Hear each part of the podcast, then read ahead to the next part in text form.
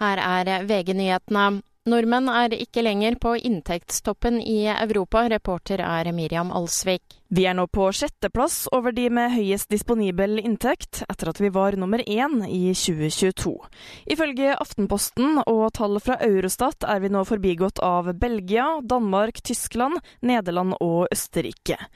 LO forklarer det med nordmenns høye renteutgifter, mens NHO forklarer det med kronekursen.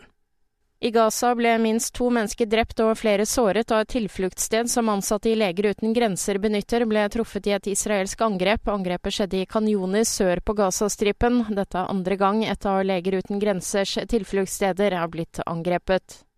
New Yorks justisminister varsler beslag av Donald Trumps verdier, inkludert skyskrapere, hvis han ikke kan betale boten på 355 millioner dollar. Det melder ABC News. Trump ble idømt boten i en bedragerisak i forrige uke.